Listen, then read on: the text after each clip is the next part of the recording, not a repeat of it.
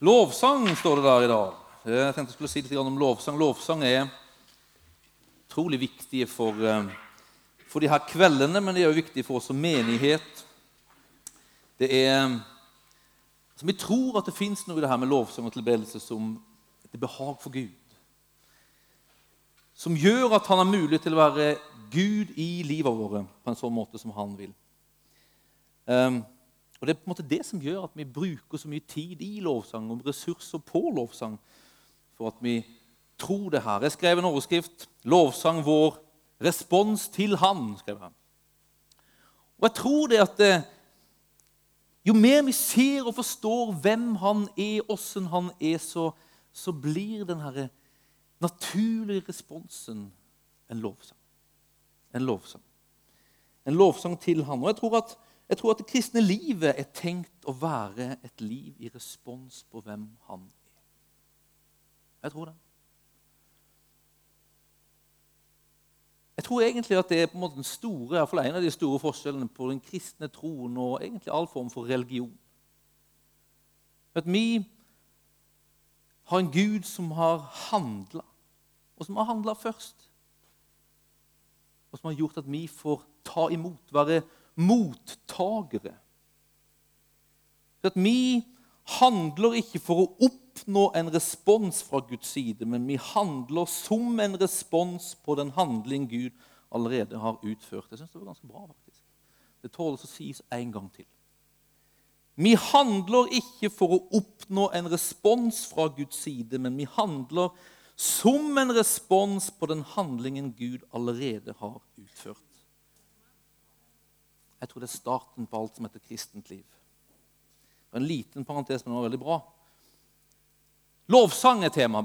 Bibelen er full av, av tekster som handler om lovsanger, og som beskriver hva lovsang er, og hva lovsang gjør. Og Spesielt så er salmene fulle av sånne tekster. Salmene var jo skrevet for å hjelpe Guds folk inn i bønnen og inn i lovsangen og inn i tilbedelsen. Så det er jo naturlig at her står det mye om lovsang. Salmen er skrevet opprinnelig på hebraisk. og du vet, På, på hebraisk i språket så er ikke lovsang bare liksom et ord. De ordentlig gamle da, de som kjente oss, da, vi brukte å si mange ting. Vi sa det er mange ting, kan vi ta alt. Du husker det, Miriam? og Når det gjelder lovsang i Bibelen, så er det faktisk mange ting. Det er mange ting. Og jeg tenkte Vi skulle se på noen av de tingene i dag ut fra Salme 100, vers 4. Der står det Kom gjennom portene hans med takkesang, inn i forgårdene med lovsang. Lov ham, velsign hans navn, står det i Salme 100. Og I denne salmen så står det fire ord faktisk ulike ord om hva lovsang er, og hva lovsang handler om. Jeg tenkte jeg skulle ta utgangspunkt i det for å peke på noen ting som lovsang er, og som, som det er tanken at lovsang skal gjøre med oss i vårt liv sammen med Gud.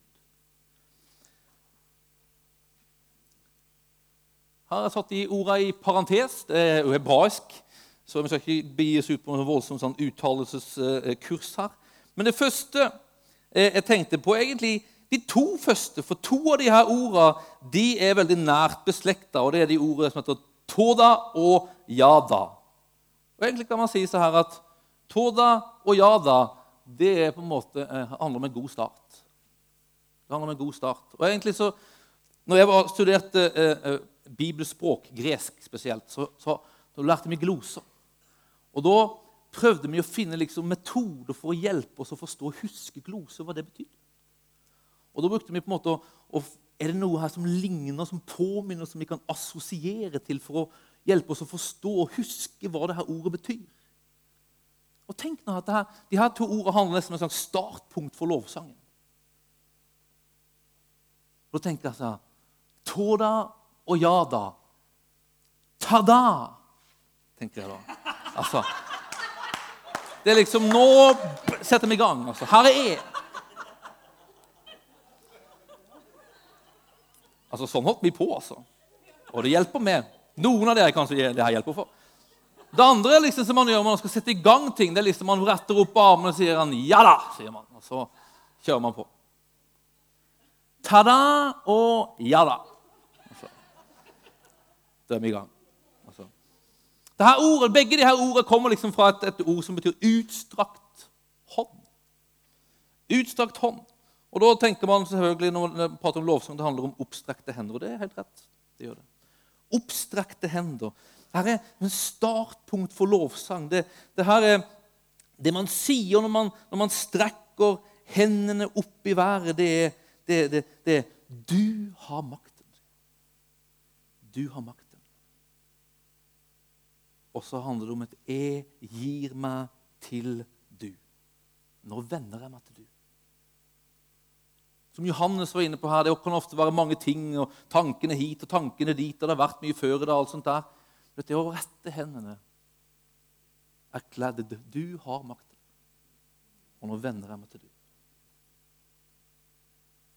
Toda og jada. Det tredje som ligger i dette ordet, det er takksigelse. Takksigelse. Og takksigelse det er sånn et kjempevåpen for å sette fokus på. Min gamle pastor han sa at takksigelse er som en lupe. sa han. Det du takker for, det blir synlig for deg takksigelse. Det ligger i de her ordene. Toda og jada. Takksigelse. Det å løfte hendene det handler ikke måte om at du, du gjør, du kjenner etter føler deg for å hen, eh, løfte hendene. Det handler ikke heller om å føle deg for å lovsynge. egentlig på den måten. Johannes sa at jeg følte kanskje ikke for det, men man gjør det som en viljehandling. Man bestemmer seg. Nå fokus. Fokus. Husker jeg pratet med ungdommen om det her, så brukte jeg å si at vi hadde en fokusknapp. Lovsang er en sånn fokusknapp. Fokus. Å takke er en fokusgreie. Vet, jeg hørte om to forskere en gang som gjorde et eksperiment om det her med, med takknemlighet. De hadde intervjua flere hundre personer eh, eh, gjentatte ganger over en, eh, en, periode på et halvt år. Og de her Personene hadde de delt inn i tre grupper. Den første fikk i oppgave at eh, hver gang de hadde dette intervjuet, så skulle de skrive opp opptil fem ting man var takknemlig for. Man skulle gjøre det hver uke. altså i denne perioden. Hver uke skulle man skrive fem ting man var takknemlig for. Gruppe to fikk i oppgave å skrive ned stressende og vanskelige situasjoner. Og Den tredje gruppa de skulle skrive ned hvilke hendelser som helst egentlig som hadde påvirka dem på en eller annen måte, positivt og negativt. Så De tre ulike gruppene delte man de her folka man intervjua, inn i. Og Da viste det seg at de som hadde fått til oppgave å være takknemlige, de ble mer oppmerksomme på sånt som var årsak til å være takknemlige. De ble mer alerte, beskrives det som. Entusiastiske, energiske, optimistiske og besluttsomme enn de andre. De opplevde mindre stress, misunnelse, depresjon. Og så var de mer tilbøyelige til å hjelpe andre. De sov bedre, mosjonerte oftere, nådde oftere personlige mål og fungerte mer som inspirasjonskilde for omgivelsene. Og så viste det til meg at takknemlighet var smittsomt. De som fikk hjelp av de her som ble så hjelpsomme, de ble takknemlige og sjenerøse tilbake igjen og videre. Det er som at Jo mer vi takker, jo mer oppdager vi at det fins å være takknemlig for. Dette er en undersøkelse som handler om generell takknemlighet i livet. For ting som fins i livet. Og jo mye mer er det ikke da nyttig for oss å rette takk til Gud? Og mye mer blir ikke han da synlig for oss, jo mer oppmerksom blir man på hvem han er, og hva han gjør. Salme 92 sier det er godt å takke Herren og lovsynge ditt navn, du høyeste, og forkynne din godhet om morgenen, din trofasthet om nettene, til den tistrengede harpen, til dempa klang fra lyren. Det neste ordet som brukes her i Salme 100 vers 4, det er ordet tehila som betyr lovsang. Hvordan skal vi på en måte da huske det her ordet tehila? Lovsang. Det her er sangen. Sangen fra hjertet, betyr det egentlig liksom på hebraisk. Hva er sangen tehila tralala? tenkte jeg da. Kan dere være med på det? altså? Det handler om lovsangen fra hjertet. Du vet Når vårt fokus rettes mot Gud gjennom denne takknemligheten, gjennom Jada og Toda-sangen, så er det som at denne sangen som han har lagt i hjertene våre, vekkes til liv. Det står sånn i Salme 40 at Gud har lagt en ny sang i vår munn. Det ordet tehila. Tralala. I vår munn. En lovsang til vår Gud. Det er som at det legges en sang i oss når Jesus flytter inn i hjertet. Det er nesten som at man får en kraft eller en evne til å kunne lovsang når man blir troende. Og Det er denne sangen som vi oppmuntres til, oppmanes til gang på gang til å ta, ta i bruk. Til å ta i bruk. Det er en sang som, som synger sanger av kjærlighet og hylles til Gud. Ja, det her Ordet det her, tralala, eller tehila det kan egentlig oversettes med 'å gifte seg med'. Det er som at det er en sang fra en brud til en brudgom. En kjærlighetssang, en hyllestsang. Den sangen legges i oss når vi kommer til tro på Jesus. Hvis det er herlig? Og Denne sangen ønsker Herren at vi skal ta i bruk, for i den fins det en veldig, veldig makt. I Isaiah 61 så står det at Gud han ønsker å bytte ut motløshet med en lovsangsdrakt, står det. Bytte ut motløshet med en lovsangsdrakt. Det er som at han ønsker at vi skal ikle oss eller klive i. liksom. Jeg tenker sånn onepiece. Sånn deilig på kvelden. Liksom. Kliver inn i en drakt. På samme måte ønsker han å klive inn i en sånn lovsangsdrakt. Ta i bruk den sangen som fins i hjertene våre. For i den fins det et våpen som liksom beseirer motløshet. Det er ganske sterkt, det, altså. Jeg fortalte sist søndag her om at jeg og Sandra i en periode gikk gjennom en ganske tøff tid.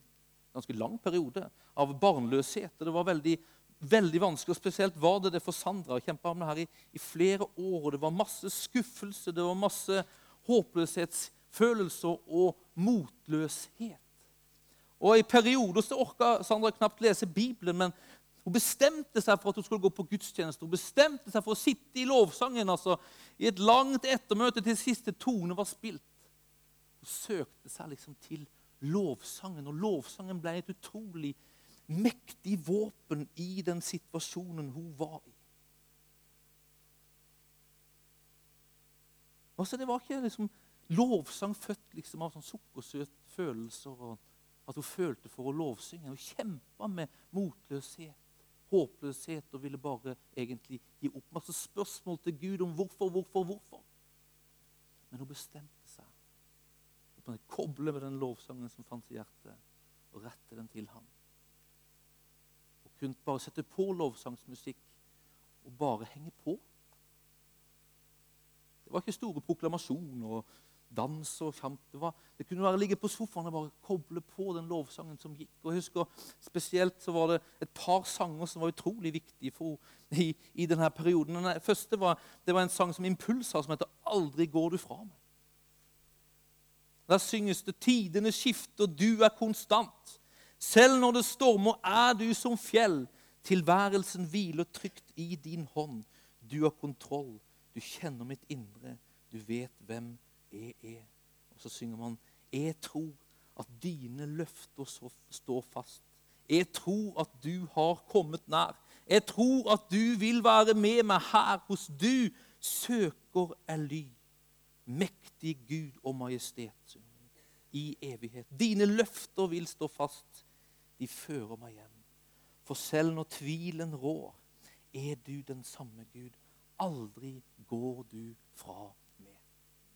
den sangen ble en sånn, sånn anker hun holdt seg i. Som hun retta liksom fokus på, og som hun sang ut altså, i tillit. En annen sang som var viktig, var en Hillsongs-låt som heter 'Desert Song'. Man synger det at 'Jeg vil gi lov og pris'. Dette er mitt rop i ørkenen. Og så synges det i en bro. Jeg tar det på engelsk. går det greit? All of my life, in every season, you are still God. I have a reason to sing. I have a reason to worship. Hun holdt fast i det. Hun sang selv om ikke følelsene var der. Så sang hun og kobla med en strøm som liksom strømma ut fra hjertet av en lovsang. Og Så synger hun her i, i, i verset, så synger de, og det siste verset, som ble en sånn proklamasjon for Sandra om hva som skulle komme, så synger det And this is my prayer in the harvest. Altså Her er bønnen når, når høsten kommer, når forandringen kommer, når, når, når, det skjer en endring. When favor and providence flow, I know I'm filled to be emptied again. The seed I received, I will sow. Holdt opp på at hun skulle få erfare Guds trofasthet i det hun sto i.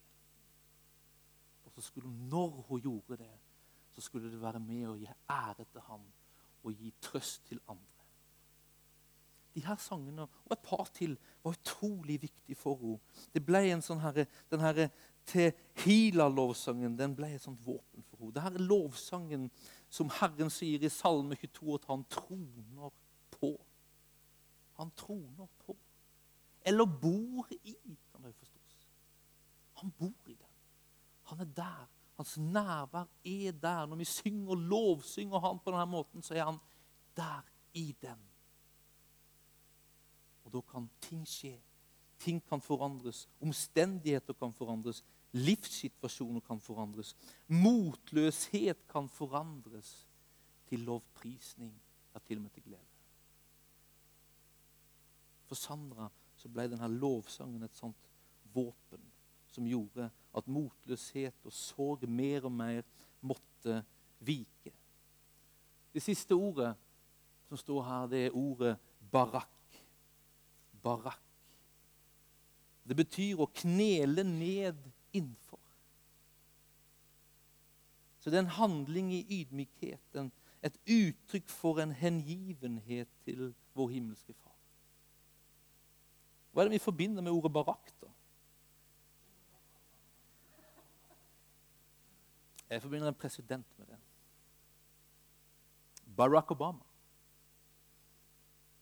Det handler om å knele innenfor ikke Barack Obama, men innenfor presidentenes president. Kongenes konge. Herrenes herre.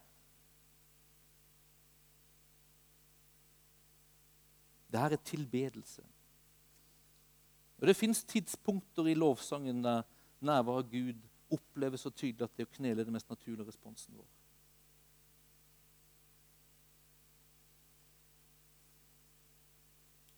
På gresk er ordet for tilbedelse proskuneo. Vet du hvordan vi lærte oss det?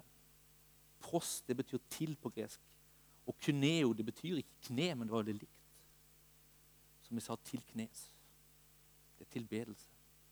Til knes. Til knes. Og jeg tror at veien inn i hans nærvær, veien inn for presidentenes president, er en vei i tilbedelse. Sånn lærte jeg meg det. Jeg tror uten at vårt hjerte bøyer seg inn for han, så senser vi ikke hans nærvær. Jeg tror det. Så våre hjerter, akkurat som Miriam var inne på, våre hjerter må på en måte myknes. Og Det skjer i denne lovsangen. Så myknes hjertene våre. Jo mer vi ser han, jo mykere blir vi. og så bøyes hjertene våre. Og så i den tilbedelsen så senser vi Han. Så står vi innenfor Han på en måte som gjør at vi senser Han. Får erfare Han og blir forvandla av Han. Dette er drikkestasjonen der vi får drikke av Hans nærvær, får ta imot styrke og kraft. Mot. Dette er stedet. Dette er mine nydeligste øyeblikker. Det er når jeg er i denne tilbedelsen og bare kjenner Hans nerver. Jeg mener, jeg elsker det. altså. Jeg elsker det. Og jeg tror at han ønsker å ha oss der. Jeg tror han ønsker å ha oss der der vi liksom blir prega av Så Salme 104, Salme 100, vers 4. Det er som en slags, nesten en sånn vandring fra du setter i gang lovsangen gjennom takksigelse, gjennom tada og yada. Og så vekkes også denne tilbedelsen, lovsangen som fins i hjertet vårt, denne telila. Og så går det over i barakk-tilbedelse. Og så fins det ett ord til som handler om lovsang på hebraisk, og det er ordet halal. Som vårt halleluja kommer fra. Og Det er faktisk det mest vanlige ordet om lovsang i Det gamle testamentet. Og jeg tror faktisk at det er på en måte lovsangens sluttmål. Jeg tror at når du står innenfor Han, i tilbedelse av Han, skuer liksom presidentenes president, altså, så kommer det ut av det. Kommer en beundring, det kommer en stillhet. Når man har vært i stillheten, så tror jeg faktisk at man føres ut igjen i glede. I glede. Halal, vet du hva det betyr? Det betyr å skinne, skryte, ha en overveldende glede og hengivelse til den grad at man oppleves dåraktig. Jeg tror det er responsen er på å se hvem han er. Det at det fødes i deg en sånn respons, en sånn lengsel etter å få han til å skinne. Det handler ikke om at du skal skinne, det handler om at du skal gi han ære så han skinner. Og så handler det om å skryte altså, av han. Og så handler det om å vise en overveldende glede og hengivelse til den grad at man oppleves dåraktig, står det. At Salmene sier at Herren har behag i den slags lovprisning. Salme 149 står det De skal prise det halal, hans navn med dans, spille for ham på trommer og lyre, for Herren gleder seg over sitt folk. Han smykker de hjelpeløse med frelse. står det. Han smykker med ære de hjelpeløse. Altså, det er en æresmykkelse. Det er en herlighetssmykkelse det står her. Altså. Han gleder seg. Han elsker når det fødes i oss en halal lovsang. Et halleluja. Et halleluja. Amen. Det er lovsangen. Da tenkte vi skulle fortsette å lovsynge. Så lovsangere kom. Ta nå i lovsang og tilbedelse. Rett blikket på ham. Ikke la lovsangen bare liksom bli slentrian. Ta, Nå kommer teksten her. Ta, ta ordene du synger, og, og legg merke til dem. La det komme fra hjertet ditt retta til ham. Så ha en bønn og en lengsel om at han skal betjene deg i denne stunden. Betjene omstendighetene dine, livet ditt. Vet du hva? Hvis du kjenner på at du vil bøye kne, gjør det. Hvis du kjenner deg at du er liksom, har skue han, og du er så glad og fryder deg over han, hopp og dans, altså. Kjør litt sånn halleluja. Altså. Vær litt dåre, det er helt ok. Altså. Ønsker du forbønn?